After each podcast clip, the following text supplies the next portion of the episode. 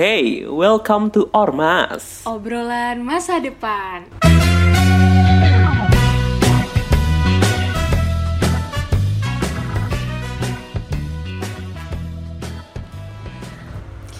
Hai hai, gimana nih kabarnya guys? Aduh, kalau gue sih agak pening juga sih ya nih udah mulai kuliah ya kan banyak gawean tugas juga banyak gitu kan dari dosen Oke, kalau Insira gimana nih? Aduh, kalau gue sih ini tugas pada ngantri yo. Gue yang gak bisa tidur malam nih tiba-tiba jadi sering kebiasaan begadang. eh tapi Ra, kalau gue yang ngomongin begadang gitu menurut gue ngerjain tugas pas malam tuh emang mantep banget deh sumpah Ya sih, kalau emang eh, ngerjain tugas malam gitu ya, biasanya tuh ide pada muncul semua gitu. Dan juga sih aku ngerasa suka juga gitu kalau belajar waktu malam. Tapi kayak bosen gitu gak sih kalau malam tuh? Soalnya kan kayak hening, terus gak ada temennya gitu. nah makanya itu Ra bisa fokus kalau malam gitu Tapi kalau gue ya, itu favorit banget buat ngerjain tugas waktu malam-malam sambil ngedengerin podcast. Jadi biar eh, lebih hening dan juga semangat lagi gitu. Eh iya sih bener juga ya, karena gue juga kadang dengerin podcast juga sih kalau pas lagi malam kerjain tugas gitu. Nah, makanya nih recommended banget deh ya buat para muda-mudi Ormas yang lagi nugas, lagi bosen gitu kan. Langsung aja dengerin podcast Ormas sampai selesai gitu. Iya dong, soalnya di podcast Ormas selalu ngasih insight yang luar biasa dan kali ini ada yang nggak biasa nih guys. Hari ini kita mau ngapain coba? Aduh, kayaknya sih hari ini kita nggak cuma bertiga ya. Ada tamu lagi nih kita. Betul banget dong, karena pastinya Ormas selalu ngasih yang spesial gitu gak sih setiap episodenya ya kan? Iya dong. Nah, pas banget nih, Mm-mm, pas banget hari ini kita juga kedatangan tamu yang keren banget dan pastinya nih pada kenal gitu ya. Aduh, siapa tuh? Aduh, siapa ya? Aduh, mungkin boleh di-spill aja kali ya.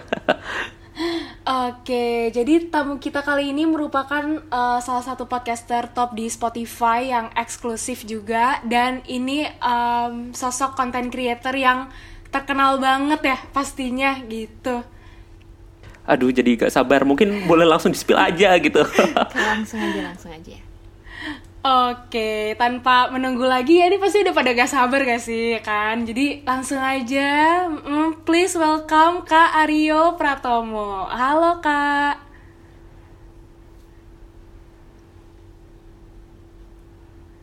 Halo Kak Aryo. Halo. Oke, gimana nih Kak kabarnya?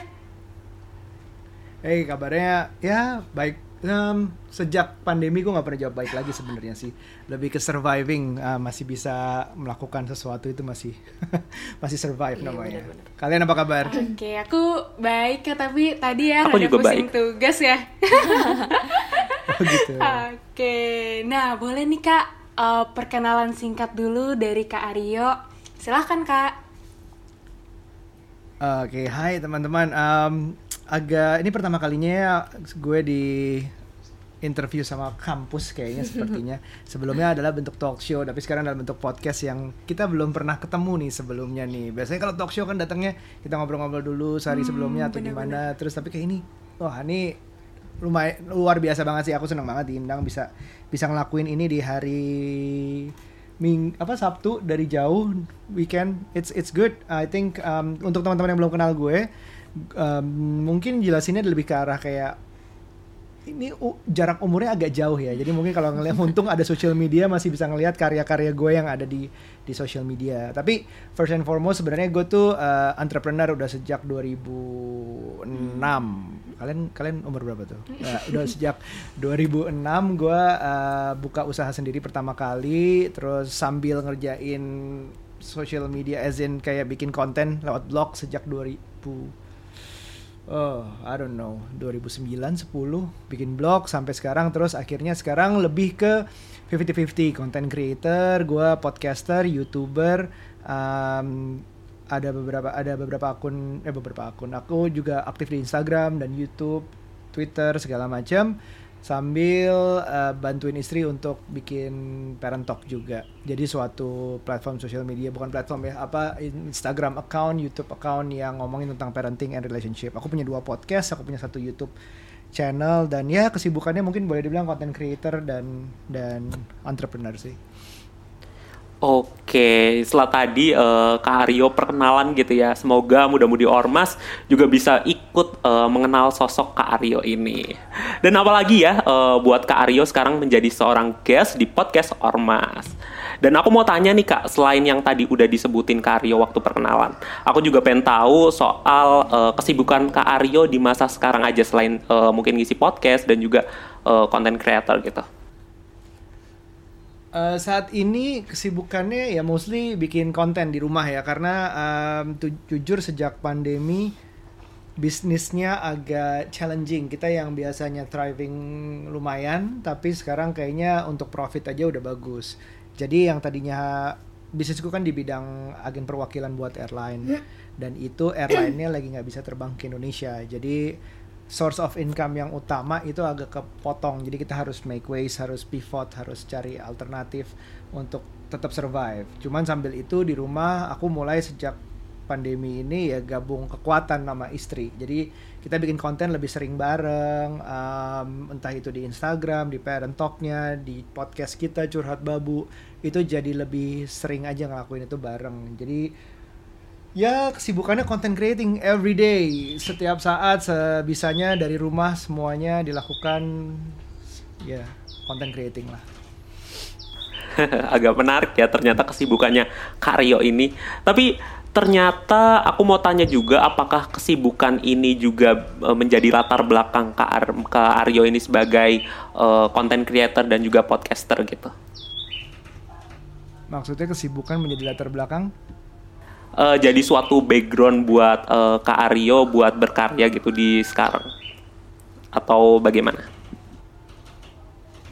Hmm, agak bingung pertanyaannya. Maksudnya gimana nih? Coba-coba dijelaskan. Oke, okay, aku ulang ya. Jadi uh, apa kes, apakah kesibukan yang Kak Aryo jalani sekarang gitu, apakah menjadi uh, alasan buat Kak Aryo berkarya di saat ini gitu?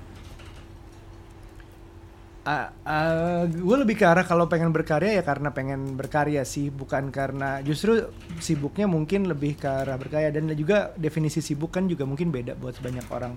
Um, gue nggak pernah ngerasa sibuk karena sibuk itu it's a nice way for people to say that I don't have time for you. Sibuk itu masalah prioritas. Jadi kalau gue bilang uh, gue ngelakuin ini karena selama ini ya it pays the bill bayar bayar segala macam kebutuhan gue dan juga bikin gue fulfilled seneng aja uh, ngelakuin semuanya sama istri banyak waktu masih bisa ngatur waktu di rumah sama anak dan ngerasanya bahwa this is what I do. Jadi ya kayak kalau ngerasa ini background latar belakangnya apakah karena sibuk terus gue bikin konten it's actually no gue nggak pernah ngerasa sibuk segitunya lebih ke arah kayak uh, bagi waktunya harus pinter-pinter aja sih. Jadi jadi gue bikin konten karena gue mau bikin konten. Menjawab nggak tuh? Oh. Iya, menjawab. Oke. Okay.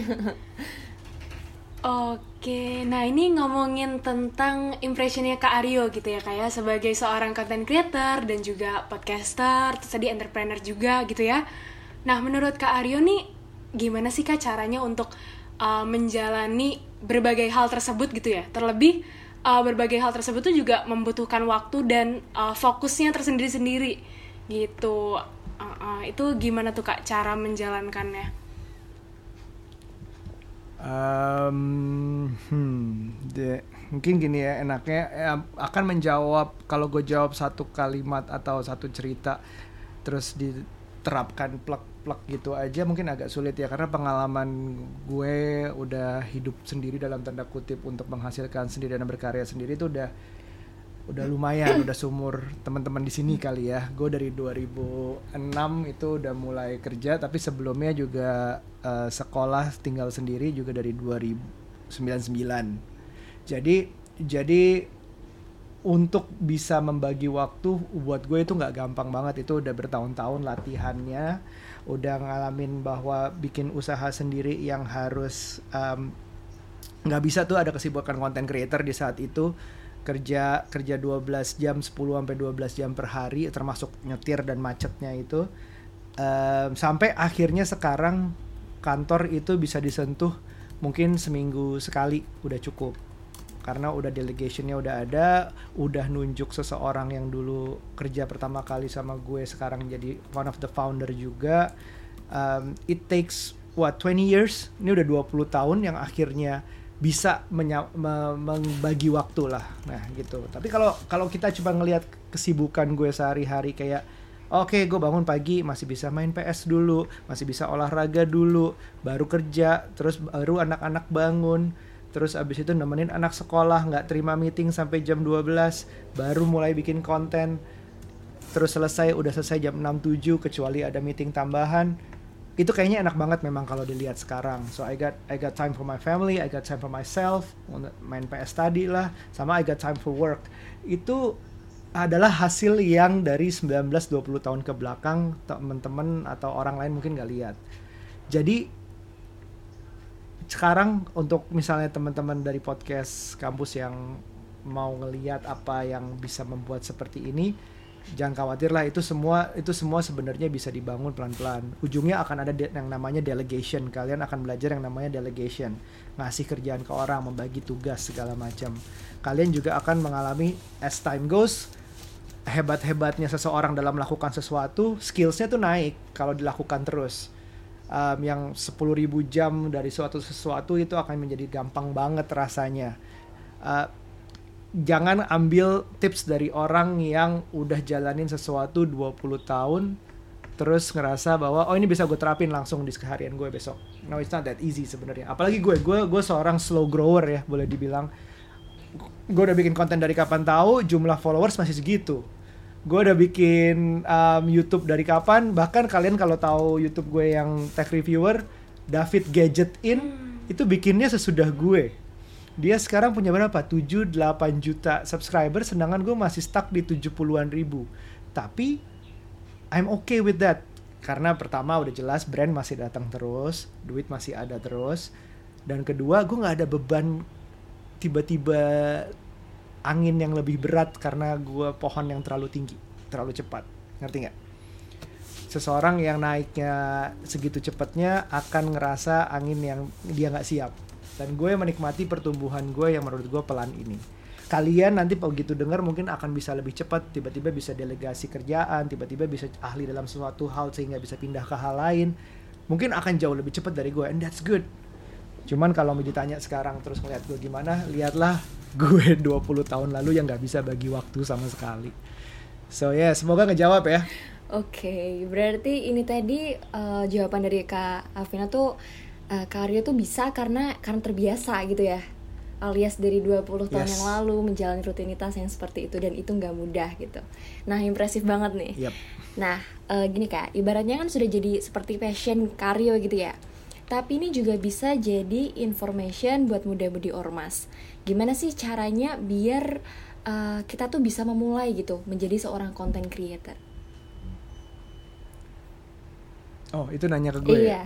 oke Karena banyak banget itu kan yang kayak misalnya anak-anak tuh yang mereka punya fasilitas kayak eh, handphone yang bagus kayak gitu-gitu tapi mereka bingung mau mulai dari mana gitu kak. Iya iya iya. Apalagi sekarang ya, mungkin makin lama content creator pasti makin banyak. Betul. Youtuber makin banyak. Beda dengan misalnya what eh, awal-awal sekarang bikin YouTube juga bisa ada advantage early adopter sih. Memang, memang itu iya. Cuman sekarang juga enaknya juga fasilitas juga makin mendukung gitu. Misalnya internet tambah lebih cepat, uh, device-device juga makin oke. Banyak orang yang udah berbagi ilmu di YouTube atau gimana cara bikin video 5 menit bla bla bla bla bla bla. Itu semua pasti kalau dicari di YouTube tuh juga udah ada. Podcast sekarang podcast nih mungkin lagi naik di 2 3 tahun terakhir. Um, cuman waktu jujur aja waktu gue baru mulai juga gue top 5 mulu curhat babunya uh, podcast yang keluarga. Tapi top 5 apa bangga karena nggak ada orang di sekitarnya? Gue top 5 dari ada 10 podcast oke deh. Itu bukan achievement sih sebenarnya. Tapi kalau sekarang kan lebih susah lagi. It's it's it's kalau belajar dari gue um, itu lebih ke arah kayak lakuin aja. Uh, mungkin contoh yang lebih baik untuk ngelakuin sesuatu dengan kesempurnaan adalah partner gue Ruby. Alexandro Ruby kalau kalian juga follow gue follow dia juga di dia adalah partner gue. Justru dia yang mengidekan 30 days of lunch. Dia itu orangnya apa perfeksionis lebih perfeksionis daripada gue. Semua plan dan he's very smart. Sedangkan gue yang very um, impulsif um, cablak lebih ke eh, udah lakuin aja dulu bodo amat hasilnya gimana kita belajar habis itu dari kesalahan yang kayak gitu. Jadi kenapa 30 days of lunch cukup oke okay, mungkin lebih dibilang karena kombinasi dari yang um, perfeksionis dan impulsif mungkin. Itu yang gue lihat sekarang sih. Terus kalau belajar dari gue lagi-lagi ya bener-bener lebih ke arah lakuin dulu terus belajar dari yang kita udah bikin. Pasti growthnya ada tinggal lo apa yang lo tangkap dari kesalahan lo dan perbaikinya seperti apa. I know it sounds cliche but that's what I did sampai sekarang seperti itu mungkin bisa ditambahkan dengan analisa dan dari kesalahannya itu lebih jago lagi daripada gue Oke, menarik juga nih tadi ceritanya Kak Aryo terkait tadi gitu ya. Tapi aku tadi uh, sempat insight nih soal uh, hmm. konten podcastnya yang judulnya itu 30 Days of Launch Podcast. Nah, itu awalnya gimana sih Kak perjalanannya dan juga topiknya uh, di podcast itu kenapa sih Kak uh, membuat kayak feels I am into the person gitu? Oke, okay. um, yang dengar 3 Days of Lunch menurut kalian gimana? Apa yang kalian rasakan dengan mendengar 3 Days of uh, Lunch? Menarik sih kak, yang aku tangkap menariknya ada gitu, terus juga seriusnya juga ada gitu. Alright, oke. Okay. Jadi 3 Days of Lunch itu jujur adalah idenya Ruby seperti yang gue bilang tadi. Uh, bahkan awalnya dia pengen berupa sebuah YouTube langsung. Cuman kita ngerasa uh, YouTube itu effortnya sedikit lebih banyak dari segi teknis dengan pemikiran bahwa kita harus ada kamera, kita harus mikirin mikirin visualnya seperti apa. Kalau visual kita doang ngomong selama 31 30 menit satu jam, uh, apakah orang akan tahan? Apalagi attention span yang semakin muda, semakin pendek, segala macam kita pikirin dan kita lakukan beberapa episode dengan itu masih susah saat itu. Jadi kita at least kick it off dulu dengan menggunakan podcast yang saat itu mungkin masih lebih sepi yang gunain, yang yang bikin lah di podcast. Jadi 3 Days of Lunch itu konsepnya dimulai dengan di saat makan siang tuh sebenarnya kita mendapatkan banyak selain perut kenyang yaitu uh, isi kepala lah harusnya. Mungkin kalau budaya beberapa budaya beda ya, ada yang bisa over coffee, ada yang bisa uh, after hours drink lah, after office drinks lah. Terus di ada juga yang mengambil main golf, networking lah. Istilahnya networking itu kan mendapatkan sesuatu juga. Itu yang mau kita berikan bahwa sambil lo makan siang lo nggak harus cuman ngisi perut doang, tapi harusnya ngisi otak juga. Terus kedua konsepnya di awal adalah kita we feel back then we were in 30s ya di kita juga masih 30s sih sekarang. Jadi di awal 30-an kita ngerasa bahwa um, ini ada nih hal-hal yang anak-anak 20-an itu harusnya tahu di saat mereka 20-an. Gue berharap di saat gue 20-an dulu bahkan ada yang ngasih tahu gue hal-hal seperti ini. Jadi kita mau bawa itu. Kita mau bawa hal-hal yang kita menurut kita ini bakal berguna nih kalau lo kalian terapkan di 20-an. Itu satu.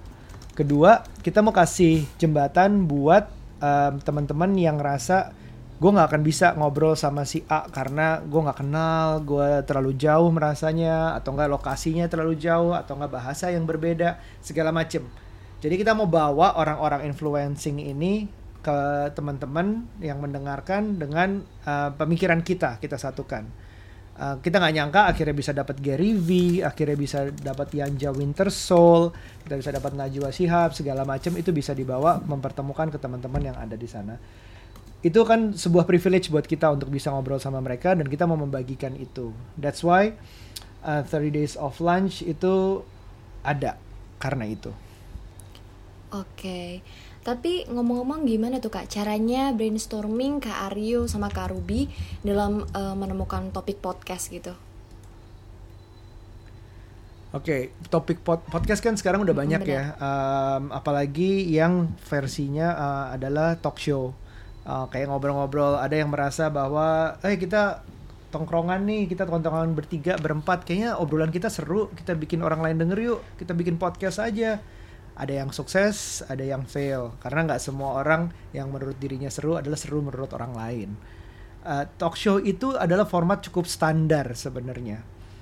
Tapi yang tapi yang mungkin kita pikirkan adalah kita story first. Bukan no matter itu isinya siapa isinya siapa. Misalnya um, kalian pasti belum pernah ada yang denger uh, followersnya aja nggak sampai seribu di saat kita mulai. Uh, interview dia Mas Ivan Deva tapi merupakan salah satu podcast yang justru di kita paling top top 10 lah top 10 top 15 yang paling banyak didengarkan. Nggak bisa di compare dengan Najwa dengan um, yang lain yang namanya besar-besar atau Panji segala macam. Tapi dia tapi tapi karena storynya kuat banget karena kata-katanya bagus banget dia cukup itu. Jadi kayak kita utamain storynya dulu. Apa nih yang mau kita bahas? Um, ke depannya ada hal-hal seperti waktu itu kita bahas tentang blockchain di saat harga Bitcoin itu 50 juta di saat kita rekaman. Tahu kan har uh, blockchain uh, Bitcoin harganya hari ini berapa? Kalau seandainya itu yang mau kita sampaikan, kalau seandainya kalian dengerin dan beli saat itu ya, jangan sekarang, itu udah seperti apa? Kalau seandainya kalian dengerin untuk teman-teman, bukan kalian spesifik, maksudnya untuk teman-teman pendengar ini dengerin tentang uh, ngumpulin miles lewat kartu kredit. Sekarang milesnya udah seperti apa jumlahnya. Kalau dengerin tentang um, kita ngomong te uh, tentang HR dengan Samuel Ray, kita ngomong tentang LinkedIn dengan dengan Lani orang LinkedIn. Itu portfolio LinkedIn kalian udah seperti apa. Jadi hal-hal yang seharusnya orang lain tahu. Jadi kita cerita dulu apa nih cerita yang atau story as in as in ilmu yang didapat, apa yang bisa didengar teman-teman di 20-an untuk bisa kepake. Ah, asik ada yang ngasih tahu gue sekarang nih 20-an, di gue di umur 20-an untuk kerja, untuk um, macam-macam karir gue, bisnis gue sehingga kayak punya mungkin kakak dari sedikit masa depan eh, nggak uh, terlalu jauh lo nggak akan nggak ba banyak yang mau dengerin orang 30 tahun jauh lebih tua gitu lebih ke arah kayak oh gue punya kakak yang ngasih tahu ini ilmu ilmunya and it's useful finally gitu jadi story first uh, orang kedua um, networknya seberapa besar hal lain lagi tapi story first gitu. Oke, kak menarik banget sih kak. Jadi story first dan ini ya kak cari topik yang kiranya bisa dipakai gitu ya kak ya dan menginspirasi untuk generasi muda gitu ya Oh, iya, okay. iya, betul. Nah, kalau tadi kita udah ngomongin tentang podcast gitu ya, Kak, tentang gimana caranya Kak Aryo sama hmm. Kak Ruby uh, nemuin topik dan juga uh, dasarnya 30 days of lunch itu gimana. Nah, sekarang kita move ke based on your experiences nih, Kak apa aja sih kak tantangan hmm. yang kakak rasain selama berproses untuk meraih goal sukses dalam berbisnis gitu dan how do you deal with it gitu kak? Bisnis ya? Oke. Okay. uh, bisnis we go way back nih kayaknya. Pertama kali mulai 2006 uh, gue boleh dibilang yang termuda di industrinya. Dan itu bukan suatu kebanggaan sama sekali. Itu industri yang salah satu yang dinosaurus ya um, konvensional banget. Logistik adalah tulang infrastruktur dari industri-industri lain saat itu gue um, ada sedikit privilege bahwa orang tua sudah di industri itu lebih lama. Jadi gue set up company lain di luar orang tua itu tapi masih bagian part of the supply chain. Um, untuk datang door to door ngomong sama orang ngetok pintu jualan barang ditolak pintu sebelahnya jualan lagi ditolak lagi berlanjut-lanjut itu cukup cukup frustrating at point sih jadi uh, tapi itu udah gue lakuin dari 2003 kerja sama nyokap sama orang tua gue. Di, di industri yang hampir sama tapi bisnis yang berbeda. Itu ya cukup kebal mental dikit lah. Akhirnya dua orang bikin sendiri. Dan sukses tantangannya adalah muda belum selalu jadi keuntungan di saat itu. Kalau sekarang tuh banyak kayak 30 under 30 um, termuda apa punya duit sekian sebelum umur berapa. Uh, gua gua juga pernah kejebak dalam hal-hal seperti itu. Uh, it doesn't help me at all dalam artian dibilang 20 um, kalau nggak salah waktu itu Business Week Asia under something lah gue termasuk dan itu gue nggak uh, bangga bangga di saat itu cuman kayak I got carried away jadi di saat itu bagi gue muda adalah sesuatu yang kayak bantu itu sangat sulit jadi yang yang yang menjadi tantangan berproses saat itu adalah bikin muda ini terus diterpa masalah, terus diterpa tantangan biar sedikit lebih mature.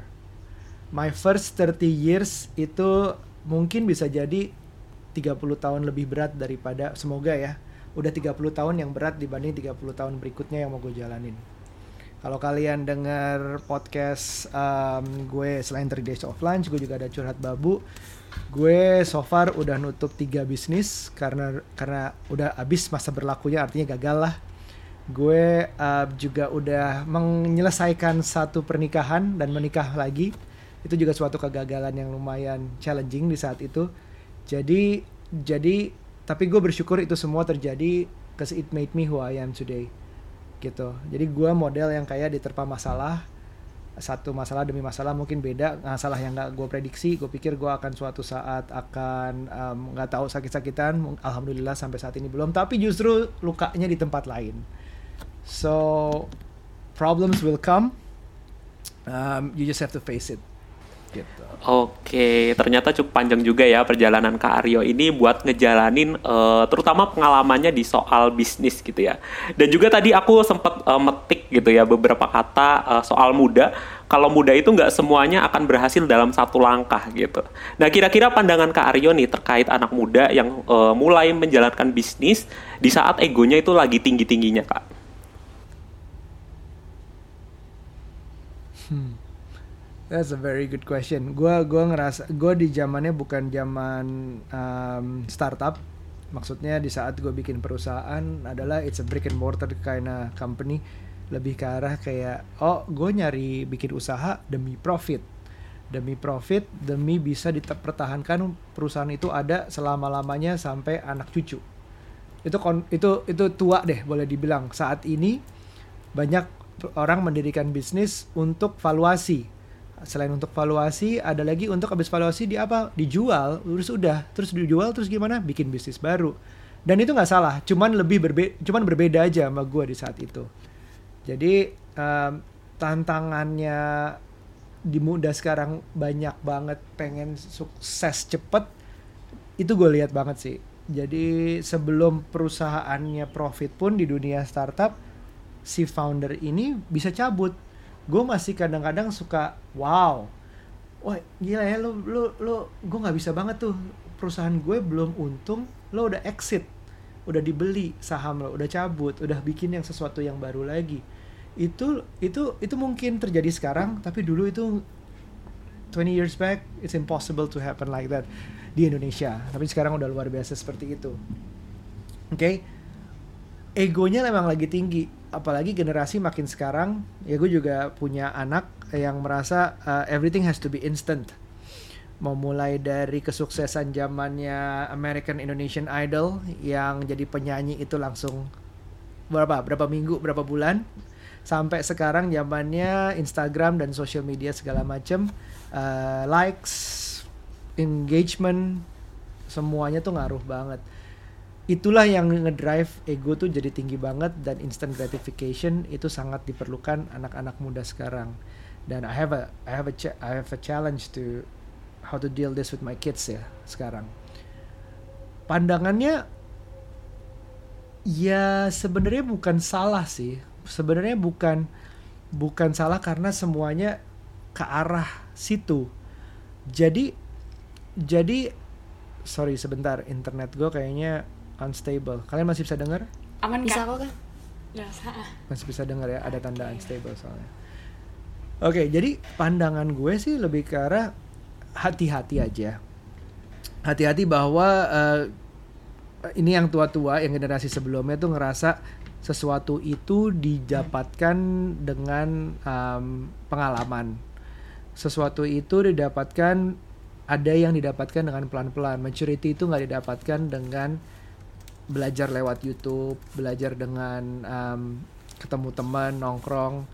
You get you get experience, you get learnings pelan-pelan gitu. Ada hal yang memang harus pelan-pelan. Gue nemu banget teman-teman yang masih muda cara berbicara dengan kita yang lebih tua apalagi dari misalnya dari agency ke content creator lah, dari brands ke content creator lah. Um, ngirim email, cara ngirim email, cara ketemu, cara WhatsApp. Beberapa orang masih ngerasa bahwa ada level-level untuk ketemu orang misalnya. Ketemu itu udah paling nyaman. Kalau nggak bisa ketemu, pick up the phone nah sekarang dengerin suara atau muka itu jauh lebih baik.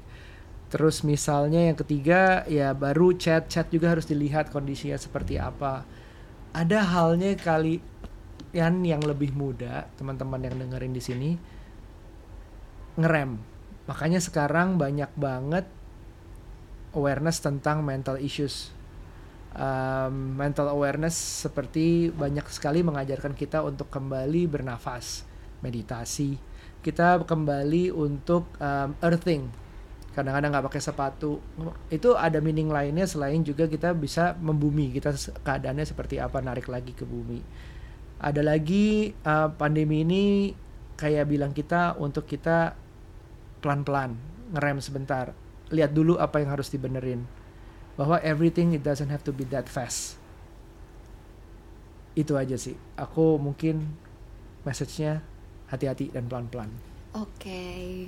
bener banget toh. Karena kadang uh, anak muda tuh sekarang kayak sering gerusa-gerusu kayak kalau misalnya bangun bisnis tuh ya harus bisa harus punya omset yang sekian-sekian gitu. Nah uh, tapi gimana nih kak uh, Kak Aryo tuh dalam menanggapi uh, glorifikasi kesuksesan yang sering kali tuh lead to unhealthy risk gitu.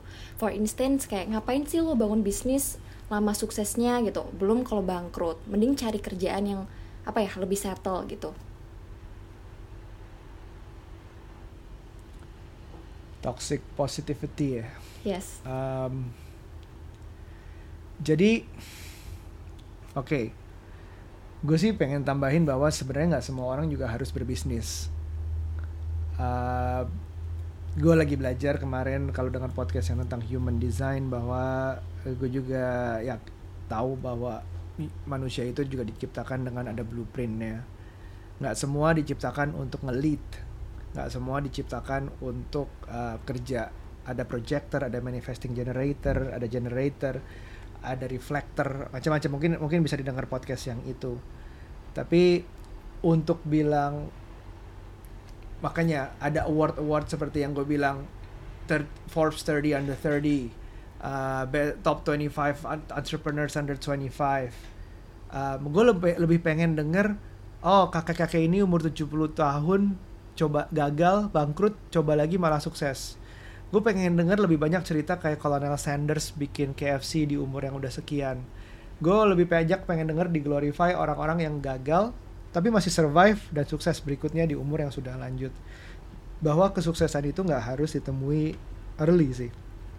Bahwa uh, kalau memang bangun bisnis itu lama kelamaan harusnya menurut gue bukan cuma sekedar profit dan valuasi.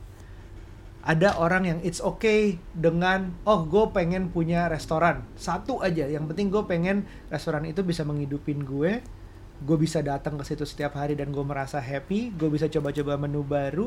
Gue bisa ketemu teman-teman ngundang bahwa oh ini uh, ah, gue bisa networking di situ. Ini restoran gue ini makanan gue enak apa enggak? Dan it still pays the bill and it's okay. Nggak perlu ada chain chain berikutnya. It's fine. Gue masih suka ngebayangin Mbak Mi GM yang puluhan tahun tanpa uh, cabang kedua. Dia baru akhirnya ada cabang keduanya di di berikutnya. Dan gue lebih senang itu lebih appreciate hal-hal seperti itu bukan berarti yang besar-besar itu uh, salah tapi cuman gue seneng ada cerita-cerita yang berbau bahwa bisnis itu bertahan nggak tutup nggak um, tanpa harus membesarkan segitunya. Uh, dan lebih seneng kayak nggak apa-apa kalau misalnya kita gagal selama kita belajar dari kegagalan itu misalnya. Cari kerjaan yang lebih settle nggak masalah tapi settle setiap orang kan juga dan tipe-tipe orang juga berbeda. Ada yang happy dengan structure ada yang berhappy dengan uh, SOP ada yang happy dengan organization chart and it's fine as long as they're happy with it as long as they're content about it. Dan selama itu uh, masih etis dan tidak melanggar hukum so why not? Uh, ujungnya sih gue berharap orang-orang juga lebih menerima ya di zaman yang makin toxic ini. Menerima toleransi lah. Toleransi yang zaman dulu udah di glorify tuh ke sekarang tuh kayak cancel culture yang malah naik, toxic positivity yang malah naik, mau uh, social media malah bikin kita merasa harus kompetisi, social media bikin kita harus oh ini salah terus harus dibenerin. That's what scares me sih. Gue berharap orang bisa lebih balik lagi ke toleransi. Gitu. Oke, jadi kayak uh, tergantung sama pribadi masing-masing ya karena uh, ya tadi settlenya orang tuh beda-beda gitu. Dan kalau even pun uh, hmm kamu pengen kerja yang di tempat yang settle ya jalanin aja. Kalau misalnya sekarang ngetrennya orang-orang lagi berbisnis ya kalau misalnya kamu gak ada passion di situ ya mending kamu cari yang pasti-pasti aja gitu ya. Jadi balik ke pribadi. Exactly. ya, aduh keren abis sih ini tadi ya guys ya.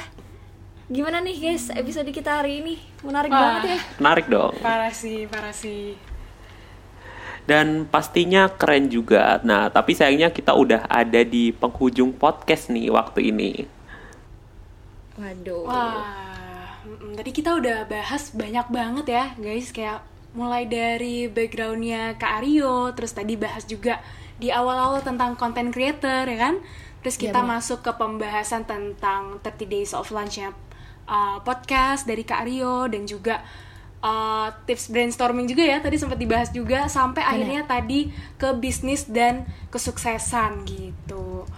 Nah, tapi sebelum kita tutup nih ya, sebelum kita uh, akhiri, yuk kita bareng-bareng dengerin closing statement atau pesan-pesan yang kiranya pengen disampaikan nih sama Karyo ke muda-mudi ormas yang lagi dengerin podcast kita hari ini. Tuh, gitu. silahkan kak. ya emang di ujung-ujung merasa kayak ditembak terasa lebih tua banget ya harus ngasih beberapa oke okay, um, hidup itu menurut gue panjang sih. Uh, kita emang nggak tahu takdir di tangan Tuhan segala macam cuman di saat kita ngejalaninnya kalau kita jalanin tuh rasanya hidup ini there's always time to do something. There's always time to make mistakes there's always time to correct it. There's always time to make amends. Jadi jangan ngerasa bahwa um, YOLO sih. The opposite of YOLO bahwa ngerasa bahwa um, oke okay, lu mau, mau mulai bisnis ya udah bisnis aja. Nanti rasain kalau mau mulai bisnis harus ada waktunya gue mau spend berapa paling banyak berapa lama kalau nggak sukses juga udahan. And it's okay udahan. At least tuh dapat belajar gue gagalnya karena ini gue salah ini apa segala macam. Kalau lo nggak mau bisnis nggak apa-apa banget. Ya freelancer sekarang youtuber content creator oh iya bagus banget. Tapi ujung-ujungnya dalam tanda kutip itu juga masih bisnis. Artinya lo harus ada profitnya lo harus ada ruginya lo harus ada harus ada uh, cash flow-nya. Itu semua juga masih harus diperlakukan sebagai uh, cash cow kita mesin kita untuk untuk hidup. But whatever it is you have a long long time to go.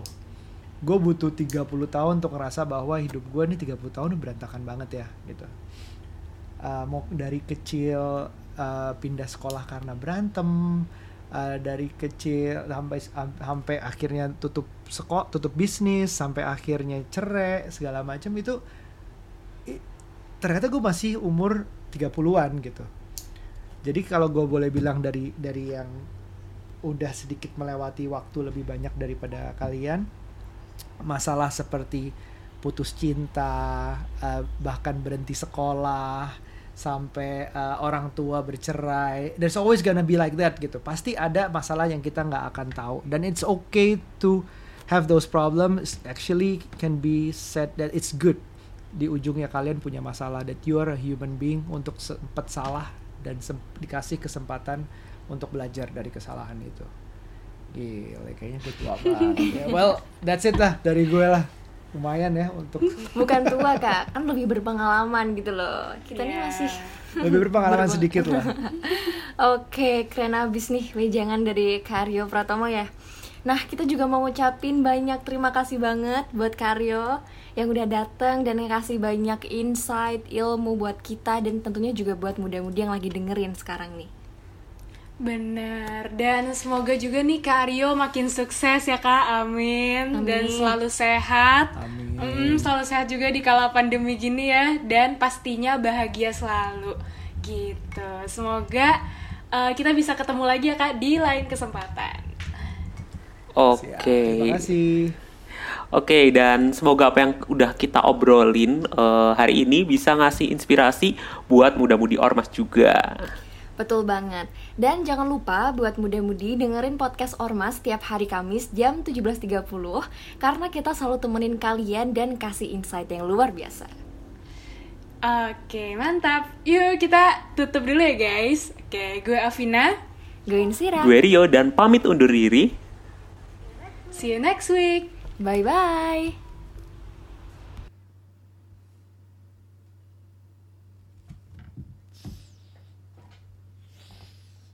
Gimana? Is that sesuai yang kalian harapkan? Oh iya, ya, kak udah ngundang siapa aja?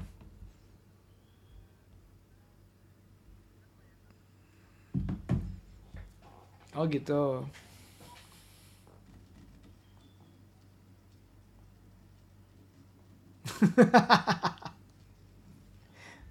Ya ya ya. Emang tahu umur gue berapa? 38, 38.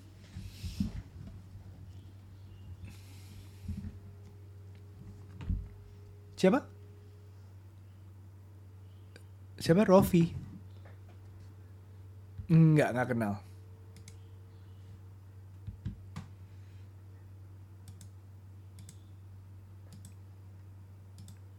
Fad oh iya, dia dia udah iya, dia udah iya.